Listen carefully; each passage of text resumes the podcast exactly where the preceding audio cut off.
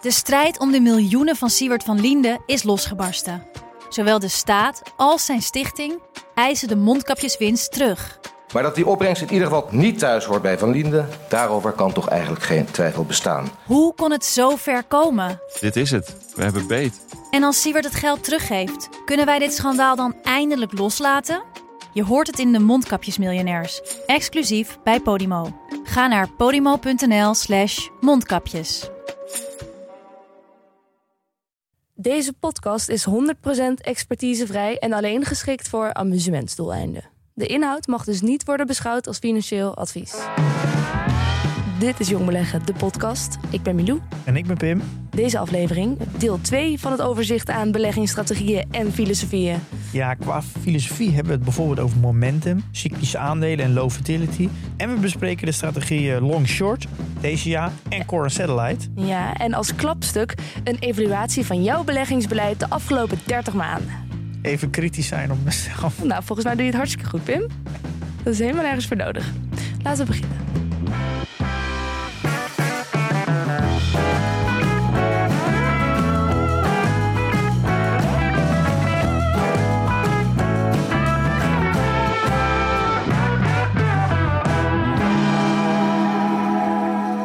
Aflevering hebben we al een goede start gemaakt met het doornemen van het, nou, het gehele overzicht aan alle beleggingsfilosofieën en strategieën, zoals gedefinieerd door Pim Verlaan. Dag Pim, leuk dat je er bent. Dankjewel Milo Brandt. Ehm, we hebben er een, al een hoop gehad. We bespreken ze aan de hand van hun kenmerken, de verwachting van de performance, de uitdaging die de strategie met zich meeneemt en de tijdsinspanning die het vereist. We waren geëindigd bij groeibeleggen, wat we hadden doorgenomen. En we gaan nu door bij cyclical play. En die heb ik nog niet zo vaak voorbij zien komen, Pim. Eh, ja, de cyclische aandelen hebben natuurlijk wel een aflevering over gemaakt. Althans, in de show notes heb ik bij elk blokje gerefereerd naar een aflevering. Eh, dus als je dat nog een keer wil terugluisteren, dan staat daar de nummer bij. Ehm, ik vind cyclische aandelen dat is eigenlijk best wel interessant. De karakteristiek van een, een cyclisch aandeel is dat het de economie beweegt in een conjunctuur. En de markt beweegt in een cyclus. En dat de aandelen daar heel erg heftig op reageren. Ze maken ritjes omhoog en ritjes naar beneden. Dus er zijn tijden dat ze overdreven veel geld verdienen. En er zijn tijden dat ze eigenlijk helemaal niks verdienen. Ja. En dat zijn natuurlijk best wel leuke aandelen. eh, om daar om, ja, met een klein percentage erbij te hebben. Misschien één of twee aandelen met een klein percentage. Of helemaal niet als je niks ziet. Ja. Maar wat je vooral hier heel erg op moet hebben is geduld. Dus eh, je moet wel zo'n aandeel natuurlijk eigenlijk kopen als niemand het wil hebben. Want het, ja, het gevaar is heel erg met succesaandelen als je hem op de top koopt. Ja, dan als je dan ja, überhaupt dat je dan weer na weer winst maakt op dit aandeel. Dat duurt heel lang. Je moet de hele cyclus moet, wachten. ja, dan moet je voor de hele, en dan heb je misschien, je misschien weer op de top. Ja. En dan ben je break-even. Dan ben je misschien, eh, misschien wel vier, vijf jaar, misschien zes, zeven Ja. jaar verder. Ehm, Dus je moet hem kopen aan het begin van de cyclus waar die van gaat profiteren. ja, eh, Hoe, hoe, hoe vind je die dan? Ja, dat verschilt natuurlijk per aandeel. Want als het gaat om olieaandelen, dan is natuurlijk de cyclus van olie is heel anders. Eh, nou, dat hebben we nu gezien. maar grondstoffen zijn natuurlijk cy- cyclisch. Eh, maar ook heel erg de, nou ja, bijvoorbeeld Thor uit mijn portefeuille, de, de, de camperbouwer, die is Ja. een heel cyclisch product. Eh, want Die gaat een seizoen mee. nee, nee, het idee erachter is dat in hele goede tijden kopen mensen campers. Ah, zo, ja, ja. En- Luxe goed. Luxegoed. Eh, dat is heel cyclisch. Maar bijvoorbeeld Flow Trader kan je ook zien als cyclisch.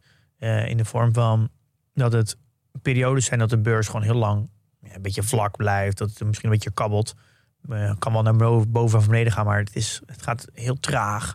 Ja. Eh, ja, dan is het, dat is dan een hele, op dat moment zit het in, in een hele slechte situatie voor, voor flow. Dus dan zullen ze heel weinig winst maken. Maar er zullen periodes zijn dat, het, dat er paniek is op de beurs. Want dat gaat gewoon weer een keer gebeuren. En dan gaat flow het heel goed doen. Ja. Ehm, flow we- beweegt ook via een cyclus eigenlijk. Dus Ja. dat kan je ook zien als een, een cyclisch aandeel. Ja, dus een van die kenmerken is ervan dat je heel goed moet snappen hoe die cyclus zich beweegt. Ja, dus je moet ook heel erg kijken naar het verleden van de winsten. En dan zie je, zal je zien, dan wil je een beetje achterkomen. Wat zijn de pieken? Dus hoeveel verdienen ze in echt goede jaren? En hoeveel verdienen ze in de allerslechtste jaren? En dan weet je een beetje wat er, waar ze tussen bewegen. Want het gevaar is Ja. wel heel erg met deze aandelen... is dat op de piek, dan verdienen ze het meest... en dan lijken ze het goedkoopst. Want ze verdienen heel veel, dus denk je... oh, je hoeft Oh ja. dan maar drie keer de winst. Oh. Maar dat is omdat het zo'n overdreven veel winst is. Als je het dan normaliseert de winst naar eh, gewoon een gemiddelde van over, die, over tien jaar, dan denk je, oh, dan is het eigenlijk toch best wel een duur aandeel. Ja, Ja, oké. Eh, dus je moet hier wel even goed opletten. dit zijn best wel, ja, dit is best wel een uitdaging. En er zit best wel een uitdaging in deze aandelen. Eh, omdat je goed de cyclus moet snappen. Ja. Eh, en je moet goed kunnen terugkijken naar niet drie jaar terug of vier jaar terug. Je moet echt kijken, echt wel tien jaar, vijftien jaar terug. Ja. Want een cyclus kan best wel lang duren. Dus je wil wel een beetje. Je hebt wel data nodig van echt lang, lange tijd terug. Je moet een beetje iets eigenwijs hebben ook. Omdat Ja, je moet contra, gaan. Je moet contra gaan, dat klopt. Eh, ja, ik vind het best wel leuke aandelen. ja. Ik zou dit nooit een groot gedeelte van mijn per portefeuille. Ik zou ook nog zeggen, dit is een strategie die ik altijd vervuld moet hebben. Mhm. Maar ja, ik, ik denk wel dat ik langzaam naar een portfoliobeheer ga waar ik gewoon een ruimte maak voor een plekje cyclisch aandelen. Ik Ja. vind, dat, dat vind dat best leuk, omdat dat, ja, nee, om als je toch een beetje kort op de bal wil zitten, is dit natuurlijk wel heel leuk. Dit kan echt zo'n typisch zo'n filosofie zijn waar, je- waar je die je gebruikt als aanvulling op je portfolio. Ja. Die er af en toe een beetje Ja, bij als je doet. bijvoorbeeld als je core en satellite doet, zou dit bijvoorbeeld een, een satelliet van 5% kunnen zijn. Ja. Bijvoorbeeld. Het is wel zo qua performance. Ik denk, als je goed zit, ja, dan kan je echt flinke performance maken. Maar als je fout zit, dan eh, ja, dat gaat ook de andere kant op. Ja, Eh, dus hou, ja, de, de beta van zulke is hoog ook vaak. Dus die bewegen soms wel echt met een beta van twee. Dus ze bewegen dubbel zoveel dan de markt. Daar Mhm. moet je wel erg rekening mee houden. En dit is wel een aandeel wat je, als je meer een portefeuille hebt, moet je kort managen. Hè? Want Ja. je moet hem twee keer goed hebben. Je moet hem goedkoop kopen, maar je moet ook op het juiste moment verkopen. Want als je heel lang blijft zitten, dan, dan maak je die piek wel mee. Maar dan maak, dan heb Ja. je, maak je die daling ook weer mee en heeft geen zin. Dus wat zou je qua tijdsinspanning zeggen? Ja, ja, wel fanatiek. Ik denk dat je dit wel constant moet managen. En niet Ja. alleen het aandeel zelf. Want het aandeel zelf is natuurlijk eigenlijk een vertraging. Want als je het eenmaal gaat zien in de winsten van, die, van het aandeel, dan ben je al veel te laat. Je moet hier veel meer voor jezelf. Je moet indicatoren gaan zoeken die je gaat monitoren. Ja. Die, die, die dan invloed hebben. Bijvoorbeeld bij olie ga je dus niet naar de cijfers van Shell kijken, maar dan kijk je veel meer naar de olieprijs. Ja. Dat is natuurlijk een. Want uiteindelijk is die olieprijs in, die gaat ja, een vertraagd effect in de, in Ja. de cijfers van Shell zitten. Ja, oké. de cyclical play. Leuke, dynamische strategie. Ja, vind ik wel. Dus je moet wel, je moet wel goed beseffen wat de risico's en de uitdagingen zijn. Bij, je. Ehm, en dan heb je de turnarounds. Valt ook een beetje in. We hebben dat vorige keer behandeld als cyclisch en turnarounds aandelen in één aflevering. Oh ja. De turnarounds is toch wel iets anders, maar dat is ook wel een beetje die asymmetrisch effect. Het zijn vaak aandelen die, ja, die moeten letterlijk een turnaround maken. Dus er is wat mee aan de hand. En dat kan natuurlijk echt van alles zijn. Het kan zijn dat ze een, een compleet hun verdienmodel verdwenen is. eh, door een andere partij of dat regelgeving of iets. Eh, ze moeten zich opnieuw gaan uitvinden. Ze moeten gaan turnen. Of een, een, een, eh, ze hebben helemaal de boot gemist en ze moeten nu een inhaalslag maken. Ja. Dat is best risicovol. Vaak gaat het gepaard met een hoop gerommel in het management. Vaak worden CEO's ontslagen, worden nieuwe mensen neergezet om te turnen. Ehm, dus het, eh, vaak zit er heel veel al ingeprijsd in de koers. Dus dat het allemaal naar. eh, ja, dat het er zit gewoon geen vertrouwen meer in. Dus dat is een beetje een turnaround. Ehm, dus ja, je vist vaak in, wel in, in een vijver van de, ja, een beetje depressieve aandelen. Eh, vaak hebben ze veel schulden. Mogelijk ook misschien een rechtszaak of zo die nog lopen. Eh, of ze worden flink gedisrupt. Ze komen vaak ook niet slecht in het nieuws. Dus er is er vaak een hoop negatief, negativiteit om het aandeel heen. Ja, qua verwachting is het wel lastig al meer wat over te zeggen over de performance. Ik denk dat ja, als het fout gaat, dan kan een faillissement echt wel, eh, ja, is wel aan de orde. Of het Ja, gaat echt ja. heel lang traag naar beneden. Eh, en de winsten zakken steeds verder, waardoor het aandeel eigenlijk constant weer duur wordt. Ja, als je, goed, als je goed zit, dan is een turnaround natuurlijk wel, kan je hogere rendementen maken. Ja. Maar ze zijn natuurlijk ook heel goedkoop met een reden. Ja, ze zijn natuurlijk, eh, ja, de uitdaging is wel dat jij iets moet zien wat de markt niet ziet. En je moet vertrouwen hebben in management. Ja. En in Eh, jezelf, dat jij het goed ziet. Ja, je moet je huiswerk zeker doen. Ja, ik denk dat dit heel erg tijdsintensief is. Want je, ja, je moet heel erg contra op de markt gaan. En de markt heeft over het algemeen wel gelijk. Ja. Dus waarom zie jij het anders? En dat moet je wel blijven managen. Want als het blijkt dat jij fout zit, dan moet je daar instant op handelen. Ja. ja het is niks voor mij hoor, dit. Maar eh, dit is wel een, een Maar ik kan me voorstellen dat als dit lukt, dat geeft je wel echt een goed gevoel. Ja, Dat je denkt het is van, niet- ah, ik had het goed. Ja, jullie dit- hadden het allemaal fout. Ja, Pieter Lynch heeft ook als portfolio-strategie dat, dat dit er een dit voor een klein percentage in hoort. Ja, het is niet mijn ding. Nee. Maar dat moet iedereen voor zich. eh, Zo is het ook. Gaan we naar de volgende filosofie. Small ja, cap. Small cap. Nou, we hebben Willem Burgers langs geweest. Dus echt, eh, hij is nu met pensioen, maar dat is natuurlijk echt de small cap belegger. Ja. ja, het is wel een van de factoren die, eh, die wetenschappelijk zijn onderzocht, dat, dat je daar een outperformance mee kan halen. Komt ook wel een beetje van, denk ik, dat de grote institutionele beleggers natuurlijk niet kunnen beleggen in kleine aandelen. De analisten die het volgens is beperkt of geen. Weinig media eh, Mhm. Dus je zit natuurlijk in een, een hoek te vissen waar je als het heel donker is. Is als particuliere belegger toch best wel een voordeel kan hebben. Nou, ja, small cap zijn bedrijven die, eh, Ja, ik noem het een beetje tussen de 300 en 2 miljard. Dat is een beetje een small capper. Gewoon klein. Eh, vanuit de beurs, een beursgrootte gezien dan. Ja, ik verwacht in performance size. De size is dus een van de factoren. Volgens mij heeft de, de small cap beurs in Nederland ook de AEX verslagen. Over een lange periode. Dus een outperformance is zeker haalbaar. Ik denk dat je wel moet realiseren dat de volatiliteit van aandelen van cappers wat hoger is. Ja, en de uitdagingen zitten, denk ik, toch wel in dat je veel werk zelf moet doen. Er zijn, er zijn weinig interviews te zien, weinig is over geschreven. Dus Mhm. het, het fundamentele analyse die is pittiger. Ja. Er moet gewoon minder over te vinden is. ja, dus daar moet je zelf ook wel enige finesse eh, mee hebben. Je En moet, veel meer zelf doen, denk ik. Ja. Ehm, wat, daardoor zit natuurlijk ook de, het voordeel. Ja. Daar zit natuurlijk ook je, kan je edge zitten, omdat Ja. je veel meer zelf moet doen. Dus dit is echt een strategie voor mensen die zelf ondernemer zijn en ook snappen hoe dat, hoe dat werkt, een bedrijf. Maar je hoeft niet eens ondernemer te zijn. Je gewoon iemand die het heel leuk vindt om fundamentele analyse te doen. Ja, maar je moet wel snappen hoe bedrijven werken, bedoel ik. Ja, maar dat, dat, dat Hoef je geen ondernemer voor te zijn natuurlijk. Nee. Misschien is het, het zelfs naar vergaderingen toe gaan of af en toe de investor relations bellen. Is dan niet een heel slechte, omdat je daar dan toch informatie krijgt die, eh, of vragen hebt die je dan toch beantwoord krijgt. Ja. Ja, dit is een strategie die, eh, ja, je kan hem in je volledige portefeuille toepassen, zoals wat eh, Willem Burgers doet met Ad Value Fund. Eh, maar je kan natuurlijk ook kiezen om daar een klein percentage te doen. Als het van satelliet, ik wil Ja. een, eh, één of twee small cappers in mijn portefeuille. Precies. Ehm, Tijdsinspanning denk ik niet heel anders dan gewone aandelen. Misschien wel ietsje meer, omdat je veel, veel meer werk zelf moet doen.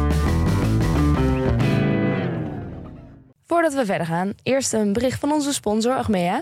Eh, Pim, ken jij de Knowing-Doing Gap? Of in mooi Nederlands de intentie-gedragkloof? Ja, dat je iets weet, maar er niet naar handelt. Ja. Ja, zo heb ik vrienden die dankzij ons wel weten dat ze moeten beleggen. Om verlies van koopkracht tegen te gaan. En te zorgen dat ze een goed pensioen hebben.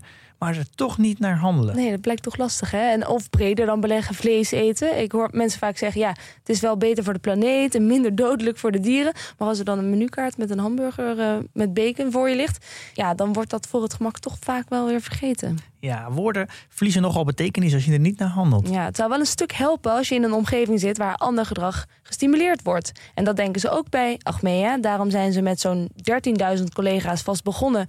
om goede intenties om te zetten in goed gedrag. Zo werken ze daar aan oplossingen voor grote maatschappelijke vraagstukken. Ja, ze gaan bijvoorbeeld voor minder verkeersslachtoffers, gezonde werknemers, duurzame woningen en meer. Ja, dus nou, geen woorden, maar daden. Waar ga jij voor? Check de vacatures op werkenbijachmea.nl. En nu weer verder met de podcast. Volgende? Ja, low volatility beleggen, dus laag volatiele aandelen. Eh, dit is, komt een beetje ook weer uit de factor. Oh, factorbeleggen, ja. Ja. waar we net zo small eigenlijk small cap. Ja. En Mees heeft hier ook heel duidelijk een, eh, een aflevering over, of besproken in een aflevering. Ja. Het idee van een low fertility is dat het veel minder heftig beweegt, maar dat het in de markt, als de markt omhoog gaat, eh, het wel mee omhoog gaat, maar als de markt naar beneden gaat, veel beter blijft liggen. Ja, Eh. Dus de karakteristieken zijn een beetje dat, dat je eigenlijk altijd achter de markt aanloopt qua performance. Dus altijd underperformed. Maar dat allemaal weer goed maakt. Of zelfs meer dan goed maakt. Als de markt flink naar beneden gaat. Want het blijft veel beter liggen. Ja, want dan blijft hij nog een klein beetje overperformen, iets langer. Nou ja, want dan maak je je outperformance. Omdat de markt Ja. bijvoorbeeld min 20 gaat. En dan ga jij misschien min 5. Dus een beetje een hedge. Nou, je kan, je, kan, je kan het niet echt zien als een hedge. Nee. Ik denk dat meer dat het een, een dempend effect heeft. Ja. En dit kan je natuurlijk op meerdere manieren toepassen. Je kan dit echt als, als strategie toepassen. Van ik doe gewoon mijn hele portefeuille low fertility. Bijvoorbeeld high dividend en low fertility. Maar je kan ook dit meer meespelen. Dat je zegt dat je meer dit gebruikt in de marktcyclus. Dus als je gaat zeggen, ik merk dat bijvoorbeeld nou 2000, eind, eind 2021 of zeg 2000 of 2021, ik kan echt geen aandelen meer vinden die goed gewaardeerd zijn. Mhm. Want alles is gewoon duur. Zelfs voor waardebeleggers was alles duur. Ja, wat moet ik dan? Ja. Eh, dan ga jij misschien mijn margin of safety een beetje oprekken. Dan gaan, nou, in plaats van 15% koop ik wel met 15%. Eh cash is dan natuurlijk een optie. Maar je kan ook zeggen, ik ga veel meer naar low fertility aandelen. Want als, ja, omdat alles heel duur is, zal het uiteindelijk wel weer wat moeten corrigeren. Ja. Eh, dus dan pak ik, kijk, cash, het nadeel van cash is dat je natuurlijk gewoon helemaal geen rendementen pakt als de beurs omhoog gaat. En dat heb je met low fertility wel. Precies. Je gaat wel naar beneden natuurlijk als je kan wel nadat je naar beneden gaat, heb je cash natuurlijk niet. Maar zo zou je wel, die zou je wel als filosofie in je gereedschapkist kunnen hebben. Ja. laat zo zeggen. Dus ik, dit zou een onderdeel van je gereedschapkist kunnen zijn. Oké. Dit kan je ook perfect in de ETF doen. Ehm, je komt wel, wel snel bij bedrijven terecht in de telecom, in de healthcare. Wat meer stabielere bedrijven. De karaktereigenschappen zijn natuurlijk heel erg... Het beweegt heel weinig, omdat het namelijk heel stabiel is, heel voorspelbaar. Het maakt eigenlijk niet uit wat de economie doet. De, Ja. Het blijft altijd wel gelijk. Bijvoorbeeld telecom, nou, dat is denk ik het ideale voorbeeld. Wij hebben altijd wel een internetabonnement nodig. Ongeacht wat de economie doet, gaan we toch nooit opzeggen. En Dus de omzet van AKPN en de winsten die blijven vrij stabiel. Ja. En daardoor heeft het, beweegt het heel weinig. Betekent dat ook dat je iets minder tijd in, erin hoeft te investeren? Ja, ik denk dat dit wel een vrij, weinig, ja, vrij beperkte tijdsinspanning heeft. Ja. Ehm, is, is, saai, hè? is, ja, maar ja, dat kan wel. Het kan echt, wat ik zeg, ik, ik, ik zie dat zelf meer als een gereedschap in, van een gereedschap in je kist. Ja. Zo zie ik het meer dan, dan een volledige strategie. ja, voor het dempende effect. Ja, maar je, ja, ja, je kan zelf kijken hoe je daarmee omgaat. Doe ermee wat je wil. Precies. Ja. Ehm, heb- Momentum. Ja, het momentum zelf is natuurlijk ook een beetje een factor. Ehm, Ja, wat is, dus een beetje denk ik ook aan cyclies. Is ook. Ja, ik heb een beetje gecombineerd aan swing trading. Dat is niet helemaal terecht. Maar laten we zeggen dat ik heb ze nu even samengevoegd. Kijk, bij swing trading gaat het heel erg over de technische, dat technische analyse leidend is. Dus Wat, wat is dat dan? ja, dan kijk je erg naar de grafiek en trek je lijntjes. Je denkt je Nee, ik bedoel swing trading. Wat is, ja, dat je, nou ja, dat je er in en aandeel gaat en dan ga ik weer uitgaan dat je aan het swingen bent. en over wat voor tijdsbestek hebben we Ja, dit dan? kan soms gewoon echt eh, in, de- in de dag zelf nog zijn of over een paar dagen. Maar je, je gebruikt daar vaak technische analyse. Je kijkt naar trends. Is het aandeel in een, in een positieve trend? En dan ga je kijken aan de hand van lijntjes trekken en eh, dingetjes. Ga je kijken naar, is die, is die trend aan het kantelen? En Ja. op het moment dat die kantelt, ga je er weer uit. Ja. En kijk, momentum is, ja, is wel een beetje hetzelfde. Je springt eigenlijk op een rijdende trein als dingen goed gaan. Ehm, Ja. En ik denk dat momentum is dus ook een bewezen factor. Al is dat volgens mij heel moeilijk toe te passen voor particuliere beleggers. Want als je al die onderzoeken kijkt, dan gaan ze dus gewoon een hele grote groep momentum aandelen kopen. En dan na wat ik van x periode weer verkopen en dan weer nieuwe kopen. Maar dan, ja, het is als particulier niet te doen om zoveel aandelen constant te kopen en te verkopen. Ja. Ehm, ja, voor mij is het helemaal niks. Maar ik, ik- er zijn mensen die, hier heel, eh, die, dit, die dit doen. Ja. Je kan natuurlijk wel bepaalde momenten inzetten. Als je dus nu ziet. We hebben nu een hele rare beurs natuurlijk. De grondstoffen gingen omhoog, de olie ging omhoog. Ja, daardoor kan, zou je dus heel kunnen zeggen: oké, de er zit, of defensie ging omhoog. Dus daar, zijn- daar zitten wel wat momentum-elementen in de beurs nu. Daar zou je natuurlijk op kunnen inspelen. Ja. En het gaat, in, als ik het goed begrijp, dus minder over fundamentals, maar en meer over het gedrag van beleggers. Hè? Het is meer psychologie dit. Ja, dit is eigenlijk, ja, eigenlijk maak je gebruik van gewoon het, het collectieve gedrag. Daar profiteer je Ja. wel. Daar probeer je van te profiteren. Ja, ja. Ja, de uitdaging is toch wel het momentum aanvoelen. De in- en uitstap bepalen. ja. Eh, dat is het eigenlijk. eh, En wel actief managen. dit is heel actief. Dit Ja. is echt eh er bovenop zitten. Ja, dus wel- veel tijd. Je hebt denk nooit al, je hebt niet altijd een positie open. Dus je zal heel actief zijn om een positie te openen, open te houden en dan weer te sluiten. Kort op de bal. Ja, denk het wel. En dan hebben we als laatste de asset opportunities. Dit is wel echt iets wat vooral vroeger heel veel gebeurde. Ik denk dat het komt een beetje uit de tijd van Benjamin Graham. En dat is een beetje het idee dat, je, dat er verborgen assets zitten in een bedrijf dat meer waard is dan het hele bedrijf zelf. Dus een beetje zelfs als je een auto koopt Oh ja. voor 500 euro. En dan zie jij, wacht even, die motor en die banden. En als ik het allemaal los uit elkaar haal, dan is het misschien 800 euro waard. Ja. Dat is het een beetje. Ja. Ehm, dus je bent, op, je bent op zoek naar verborgen S, activa. En dat kan echt van alles zijn. Gewoon gebouwen, eh, gepatenteerde medicijnen tot aan eh, tv-stations, naar je olievelden. Die... Maar ook gebouwen, ja, want dat zit dan toch in stenen. Dat, is dan, dat komt er pas uit die waarde als je het verkoopt. Ja, maar het kan zijn dat dat, eh, dat dat minder waard is in die boeken staat dan jij vindt dat het waard is. Of het staat in de boeken hoger, maar de, maar de marktkapitalisatie is lager. Dat zou bijvoorbeeld kunnen. Bijvoorbeeld van ABN AMRO had heel lang een, volgens mij de pand op de Zuidas. eh en daar waren ze eigenaar van. Dat hebben ze dan nu volgens mij verkocht. En daar, dat is natuurlijk, was volgens mij een x best een groot percentage van de totale marktkapitalisatie. Ja. Dat kan zeggen, dit is een verborgen asset. Ja. Maar die, waar het een beetje over gaat bij asset opportunities, is dat, het, dat er veel meer assets in zitten die, die bij elkaar opgeteld heel veel waarde zijn dan wat een marktkapitalisatie is. Dus je betaalt in, eigenlijk in de praktijk minder dan voor wat het waard is. En daar heb je natuurlijk ook nog de, de net-net strategie. Dat gaat dan om cash. Dus er zijn bedrijven die meer cash op de balans hebben dan dat ze waard zijn. En dan dat betekent vaak dat het bedrijf verlies maakt. Dus dan zien beleggers dus blijkbaar, ja, je maakt elke verlies, dus die cash wordt steeds minder. Eh, maar ja, in principe zou je dus in theorie het bedrijf volledig kunnen kopen. Van de beurs kunnen halen, Ja. kunnen opheffen. En dan, heb je, een- en hou je nog wat geld over, want er zit meer cash in Ja, ja, ja. Eh, dan, dat er, eh, dan de marktkapitalisatie. Je moet hier een beetje creatief voor zijn, volgens mij. Om al die... eh, Ja, je moet wel echt flink de boeken induiken. Je, Ja. moet, je moet vaak ook nog een. Vroeger hadden ze het over. Dus bij de Baden Graham en Pieter Lint zei ja, je moet een lokale voorsprong hebben. Je moet kennis hebben en ervaring hebben. Dat zou bijvoorbeeld. Ja, ik weet, je zou kunnen zeggen dat, er, dat ze bijvoorbeeld heel veel. eh, er zijn heel veel van die. In in Vegas zijn heel veel van die eh, vastgoedbedrijven die daar allemaal vastgoed hebben. Het kan natuurlijk zijn dat je bepaalde kennis, lokale kennis hebt. Dat je. Hé, er, gaat, er gaat een heel plan ontwikkeld worden. Dus deze vastgoed gaat veel meer waard worden, bijvoorbeeld. Ja, ik noem maar wat dingen. mhm. Ja, dit is wel eh, een hele specifieke strategie. Ik denk dat je heel erg veel vertrouwen moet hebben dat de waarde eruit komt. Mm. En je moet heel veel geduld hebben, want het kan natuurlijk lang duren. ja. Je moet goed jaarrekening doorspitten, daar moet je ook wel goed in zijn. Al die financiële gegevens moet je goed begrijpen. Ehm, dus dat vergt wel vergt iets minder fundamentele analyse, denk ik, dan en veel meer cijfers. Ja, ja. En moet je dan ook nog wel bijhouden, lijkt me. Ja, dit moet je denk ik wel goed managen. Ja. ja. Ja. Dus, eh, en als natuurlijk het verhaal waarom jij het koopt niet uitkomt, eh, ja, dan moet je er ook gelijk vanaf. Helder. Ja. Waren dit dan de... Dit waren denk ik een beetje de, de filosofieën die je kan toepassen. Ja. Of heb ik er, heb ik er een keer gemist? Nee, volgens mij heb je alles gehad.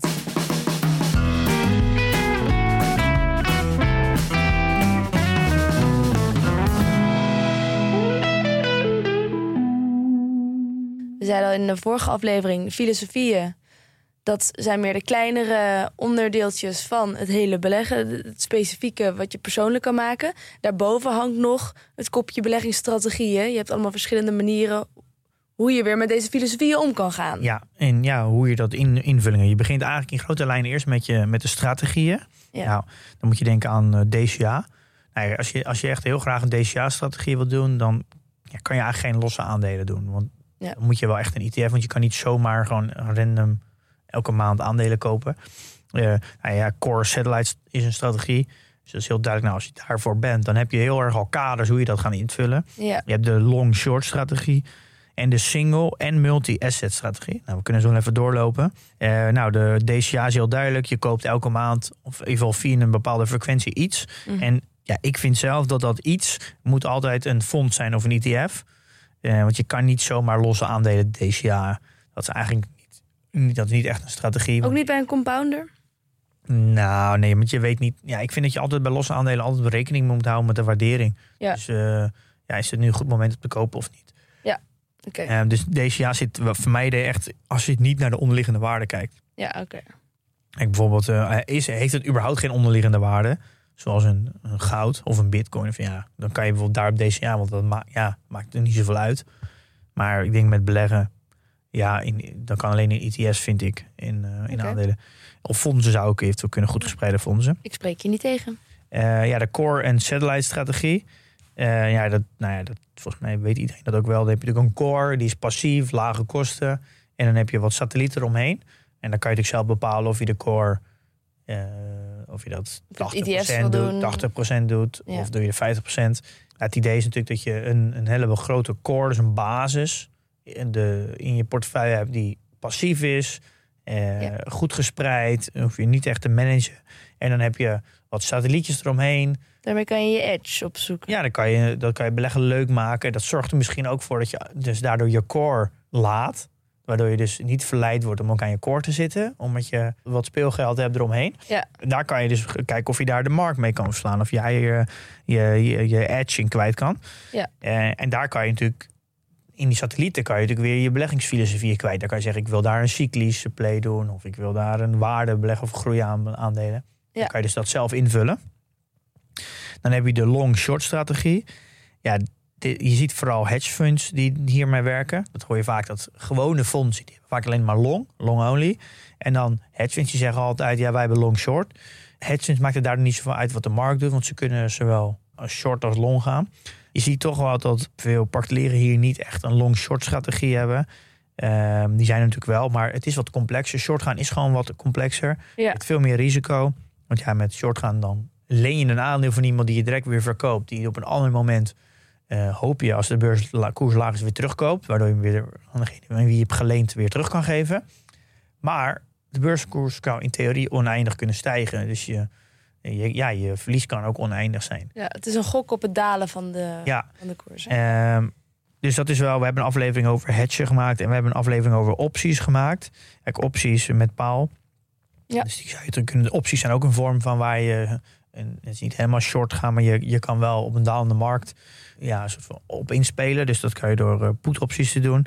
Het zijn wel wat complexere producten allemaal. Dus die jouw manier hoe die prijsvorming tot stand komt, heeft met meerdere factoren te maken. Dus de, ook de looptijd heeft heel veel effect. Uh, Ja. En de uitoefenprijs en natuurlijk het onderliggend product. Dus als je daarmee werkt, moet je wel echt begrijpen wat je doet. Maar het is natuurlijk wel een, uh, ja, een prima strategie. Het zijn, uh, je ziet op, je ziet, je, ziet, toch af en toe wel eens wat mensen die dat doen, long short. voor mij is dus niks voor mij. Ik, in ieder geval nu niet. Het is, ik vind het te risicovol, te complex, begrijp ik niet goed genoeg. Dus ik, ik beperk het tot alleen long. Ja, nou, we kennen allemaal nog de man die uh, short ging op de huizenmarkt in Amerika. En daar nou ja. Maar ja, best voor, rijk van is geworden. Voor die ene man uh, ken jij die andere 10.000 die dat, die dat ook een keer geprobeerd hebben, die ken je niet. Die ken je niet.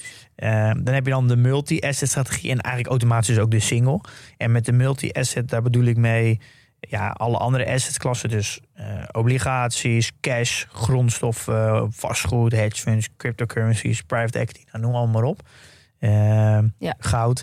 Dus je kan ook je portefeuille natuurlijk gewoon multi-asset maken. Wat vaak traditioneel wordt gedaan is een percentage obligaties, percentage aandelen. Ja. Nou, dat is een tijd niet meer geweest omdat obligaties niks meer waard. Nou, nu zijn die obligaties weer aan het stijgen. Dus mogelijk is dat nu weer interessant.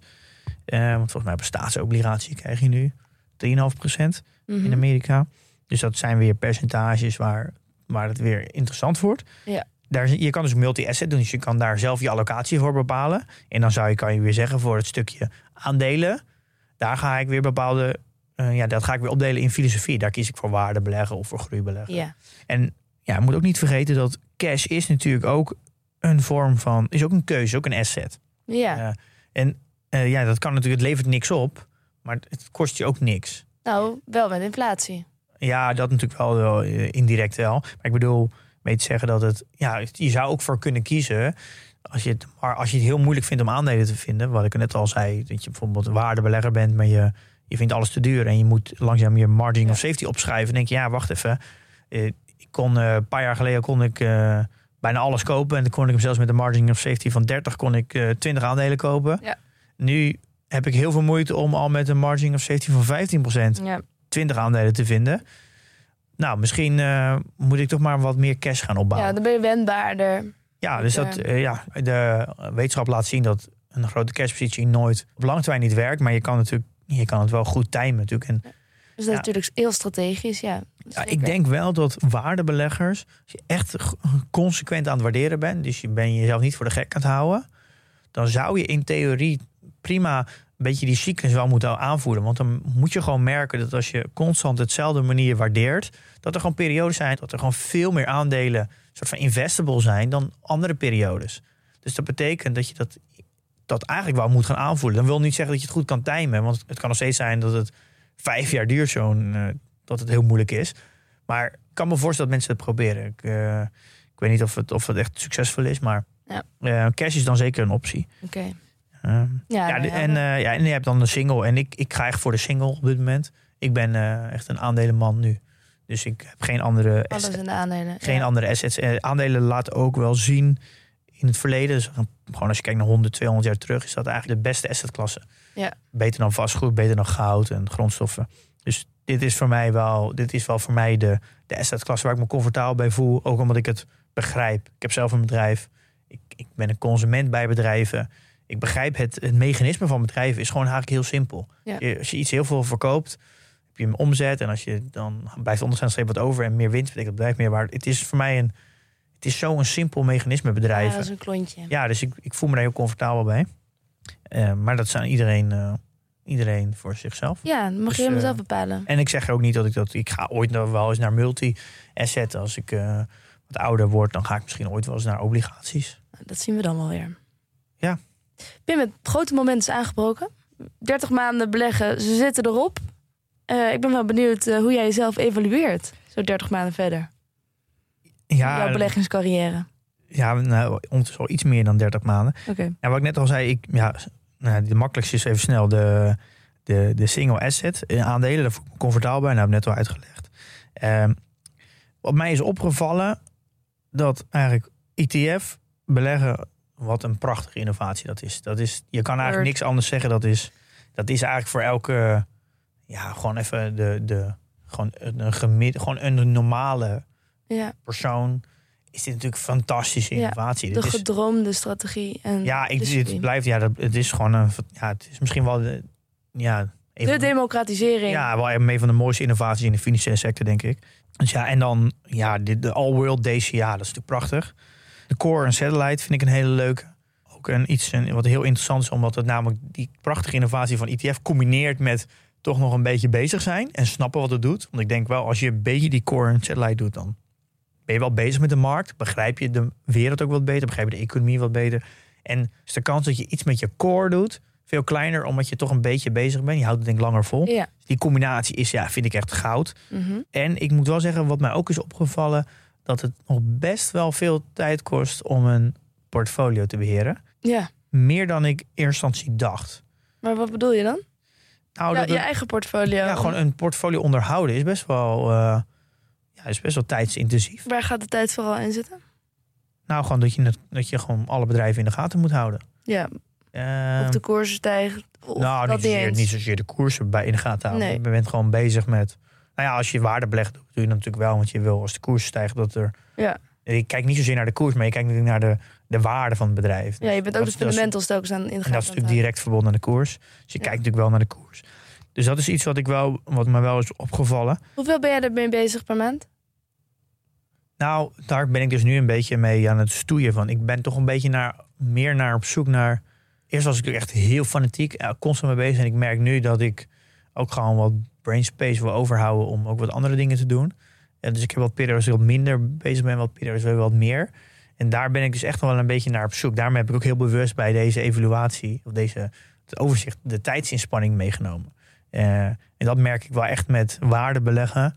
Eh, die, die tijdsinspanning is wel echt nodig constant. Ja. Dus je moet er echt wel kort op de bal zitten. En dat is wel iets wat mij is opgevallen. En daar, daar hoor je nooit iemand over. Mhm. Als het gaat over beleggen, eh, als het over beleggingsboeken of andere mensen zeggen je moet beleggen. En dan zeggen ze nooit hoeveel tijd het kost. Nee, Eh, en of dat op dat moment wel past in je leven. Kijk, Als je net een kind krijgt en je, bent, eh, je hebt een heel portefeuille van 20 aandelen, je bent het waarde beleggen. Ja, ja, is niet heel gek om te zeggen, ja, liquideer je portefeuille maar en stop het maar even in een ETF. Want de komende half jaar ben je wel even zoet. zo erg. Ja, dat ligt eraan natuurlijk. Ja. als, je ook nog, als je ook nog ander werk hebt. Ja. Of als je een tweeling krijgt of een drieling.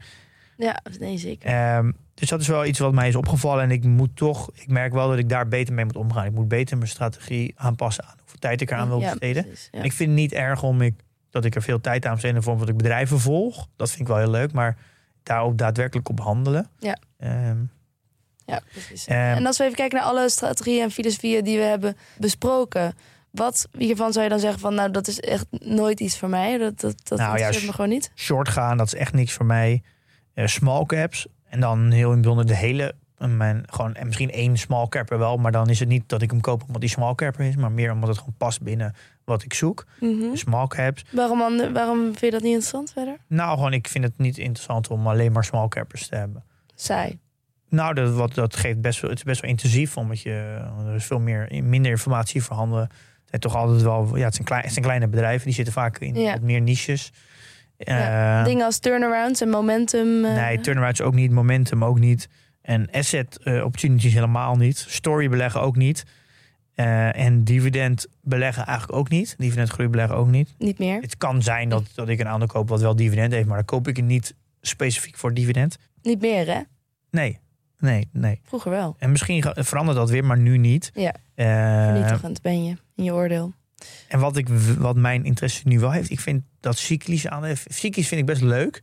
Ik, ik, heb er nog, ik moet er nog een beetje zoeken daar vorm aan geef, maar ik vind dat toch wel een, iets leuk om altijd, omdat ik toch met de beurs veel bezig ben, vind ik het misschien toch wel leuk als ik het kansen spot om nog eens een keer één, één positie in te nemen, dat gewoon Ja. een tijdje in de gaten te houden. Eh, nou, compounders, daar, dat is toch wel een beetje, eh, ja, misschien wel waar ik een beetje, dat, dat is voor mij wel een beetje de holy grail. Een garp. En dan misschien ook wel een beetje groei beleggen, maar dan wel in een latere fase groei. Ik denk dat ik toch wel een beetje ben genezen van bedrijven die geen winst maken. Ja, Eh, dus het zit wel een te beetje. veel risico. Ja, ik denk dat, dat, ik, dat ik dat niet zo snel meer ga doen. Nee. Dan laat ik misschien wat, wel wat rendementen zitten, maar het risico eh, ja, is, wordt dan ook verkleind. Dus ik zit liever die fase daarna. Dus er zit een beetje in de fase tussen groei en garp en dan eh, richting winstgevendheid, een beetje die hoek. Speelt er dan ook mee van, eh, we zeggen ook aan het begin ook van vorige aflevering, van ken jezelf. Ehm speelt ook mee dat jij weet van jezelf dat je niet heel goed tegen al te veel risico of al te veel beweging op de beurs, dat je dat tegen kan? Nou, daar heb ik niet zoveel moeite mee. Ehm, ik merk überhaupt, dat is wel in mijn karakter. Ik, ik- het doet me echt helemaal niks als de beurs beweegt. Nee. Omhoog niet en naar beneden ook niet. Het is, eh, dus dat speelt dan toch iets anders inderdaad. ik ben ook niet totaal niet impulsief. Ik raak niet in paniek. Eh, ik merk dat ik me meer comfortabel voel bij minder handelen dan meer handelen. Ja. Dus ik, op dat vlak heb ik best wel de karaktereigenschappen die best wel passen bij een, een losse portefeuille. Waar het voor mij meer in zit, is dat moment dat je fout zit, dus je, je koopt een aandeel en het blijkt uiteindelijk niet de winst te gaan maken die die verwacht. Dus je hebt dan eigenlijk toch best wel te veel betaald. Dan, gaat het, dan ga je dat ook gewoon nooit meer goed maken. Dus ik, ik blijf liever bij aandelen die, die ik dan, als ik ze te duur koop, dat ze, als ik ze maar lang genoeg vasthoud, het uiteindelijk wel goed komt. Dus dan Ja. betaal ik de rekening door dat ik gewoon een underperformance heb, omdat ik hem eigenlijk te veel voor betaald heb. Maar dan maak ik er geen verlies op, op lang, als ik hem lang genoeg vasthoud. Ja. Eh, en bij de kans dat je een definitief verlies hebt, is bij aandelen die helemaal geen winst maken veel groter. Ja. Ik wil gewoon een definitief verlies wil ik beperken. Ik heb prima geduld als ik er naast zit om hem gewoon langer vast te houden. En dan, dan, dan zorg ik dat het verlies er niet is of beperkt door gewoon lang vast te houden. Omdat het fundamenteel het bedrijf groeit en uiteindelijk wel in de waardering groeit. Eh, en bij groeibeleggen is het gewoon een kans dat je er echt naast zit. En dan kan, Ja. gaat hij gewoon nooit meer in de waardering groeien. Ja. Dat is echt rationeel, daarom voor mij. Ja, en dan is het er heel verleidelijk om dan een soort van dollar cost averaging naar beneden te doen. Dus elke keer als het daalt naar beneden bij te kopen. En dat is misschien nog schadelijker. Want dan maak je in, in, in rendementen misschien, wat je ziet in je, ah, bij je broker misschien minder verlies. In procenten, maar in absolute getallen veel meer. Ja. Ehm, dus daar is waar ik wel, eh, dat, daar ben ik wel in veranderd. Ja, ja. Eh, dus ik zal er toch die fase erna gaan zitten. Ehm, dus er kan nog steeds groeibeleggen zijn, maar dan wel richting tegen GARP aan. Dus, dus het moet wel winst hebben. Ehm waarde beleggen, dat zou ik altijd nog denk ik wel blijven doen. Maar daar zou ik misschien aspecten van meenemen. Er moet voor mij gewoon groei in zitten. Ik merk dat, ik voel me gewoon comfortabel bij bedrijven die groeien. En je vindt het ook leuker. Ja, ik vind het interessanter, omdat je ook veel meer bezig bent met de toekomst. En eh, dat, ja, dat vind ik, ik vind het leuker om daarover na te denken, mee bezig te zijn. Kijk, eh, groei betekent dat er beweging in zit. Dat het bedrijf eh, nog dingen, ja, dat er gewoon dat er vooruitgang in zit. En als een bedrijf niet meer groeit, zoals Krim, kan nog steeds een goede belegging zijn. Maar Ja. dan is het niet een belegging voor mij. Dus als ik mijn beleggersuniversum ga bekijken, dan is dat voor mij wel de kaders. Dat ik bedrijven die krimpen, die niet groeien, die vallen voor mij wel af. Ja. Dus ik kan prima, prima waarde beleggen, maar er moet er wel groei in zitten. Ja. Dus dat zit, ik zit dan eigenlijk, als je gaat kijken naar, je hebt dan GARP en je hebt dan aan de even linkerkant heb je waarde. Dan zal ik iets meer die waarde richting GARP trekken. En heb je groeibeleggen aan de rechterkant, dan zou ik die groeibeleggen iets meer richting GARP trekken. Ja, Dus dat is, dus de kaders lopen zijn een beetje troebel, maar dat is wel iets wat ik, waar ik me het meest comfortabel bij voel. Ja. En die low fertility beleggen, ja, ik denk dat, ik weet niet of het gaat lukken, maar ik ga toch wel eh, kijken of ik, als, de, als we de marktcyclus hebben, als we over tien jaar tijd, dat we nog een keer echt een hele grote piek krijgen. Dan, dan zijn best wel veel indicatoren waar je het misschien gaat aan gaat herkennen. Heel veel IPO's en zo, zware overwaardering. Er wordt alleen maar gesproken over, over fantasie. Dat ik misschien toch wel gebruik ga maken van low fertility beleggen. Om daar langzaam een positie in op te bouwen. Zodat ik me een beetje ga voorbereiden op, een, eh, op de marktcyclus. Eh, Ik Ja. weet niet, dat is iets wat ik nu in mijn hoofd heb. Ik weet niet of ik dat tegen die tijd ga doen. Dat is natuurlijk nu helemaal niet aan de orde. Maar dit is wel iets waar ik, eh, ja, waar ik toch wel iets meer gebruik van wil maken, denk ja. ik. Wat ik vandaag eigenlijk terug hoor uit jou is dat je wel interesse hebt in die cyclus. Ja, ik het vind dat, cyclische gedeelte. ja, ik ga daar toch meer over. Howard Marks is daar heel erg bekend over. Dus ik ga daar Ja. binnenkort wat meer over lezen. Ja. Ik vond hoe Mees ver- verwoordde dat heel mooi. Dat je een beetje moet kijken of wanneer je defense en wanneer offense gaat. dat, dat komt ook van Howard Marks. Dat je Ja. voor jezelf bepaalt welke, welke zitten we nu in de defense of de offense periode. Ja. Dat is altijd een interessante vraag om te kijken waar zitten we nu in die cyclus. Om je daar, dat je er even over nadenkt. Er wordt altijd gezegd, timer kan niet. Maar time wordt heel erg gezien van je gaat in en eruit. En dit voelt dan niet echt als time, omdat je namelijk als de markt verder doorgaat, dat je met low fit aan nog steeds meegaat. Misschien wat minder hard effect, maar eh, dus daarom vind ik het wel interessant. En ja, de vraag is echt of je die, die cyclus echt niet kan timen. Of je dat echt niet kan zien aanvoelen. Helemaal als je het, ik zelf een keer zo'n cyclus hebt meegemaakt. Er zijn, ja, volgens mij zijn mensen over het algemeen een beetje hetzelfde. Altijd. Dus als het heel enthousiasme in de beurs krijg je van diezelfde verschijnselen, vermoed ik. Eh, dus ik, ja, dat je het helemaal niet kan aanvoelen, is volgens mij niet waar. Alleen de vraag is de timer daarvan. Dus misschien zit je een jaar te vroeg, of twee jaar te vroeg. Ja, ja. Dan kan je afvragen, ja, hoe erg is het om twee jaar te vroeg te zitten om een 20% of 10% positie in low fertility op te bouwen? Uh, ja, als je na twee jaar toch uiteindelijk met 20, 30% zak. Hm. Ik, ik weet het niet. Dit zijn de gedachtegang die ik nu deel. En die ga ik ja, misschien eh, pas over vijf jaar. Je weet niet hoe de cyclus loopt. Zo is ook. Maar ik, ik, eh, neem dit wel mee in mijn geest. Ik heb wel steeds meer het gevoel gewoon een portefeuille hebben. En gewoon met, met 20 aandelen en gewoon maar zitten en geschoren worden. Ja. Als je er toch elke dag mee bezig bent. Het, van je gevoel zou dat beter kunnen. Maar ja, zit je nog wel, want dat was ik ook nog wel benieuwd naar, zit je nog steeds op eh 20 bedrijven in je portfolio als een ideaal streefcijfer? Nou, ik vind het toch al nog, eh, net iets te veel. Hm. Ja, daar moet ik nog een beetje naar zoeken. Ik, ik, ik neig toch wel naar iets minder. Eh, Iets geconcentreerder? iets geconcentreerder. Ehm, en dan ja, niet heel veel, minder misschien 15 of zo. Maar daarin wat meer spelen met de allocatie. Ja. Eh, en niet alles gelijk houden, maar toch wel een bepaalde aandelen iets groter allokeren. Ik merk ook dat het een beetje automatisch gaat hoor. Het is bijna niet te doen om alles even groot te houden. Ja, dat Omdat de markt ook doen. de hele dag beweegt. Ja. Maar ik zou toch iets meer de allocatie in bepaalde posities vergroten. En misschien iets minder aandelen. Dat is denk ik toch wel...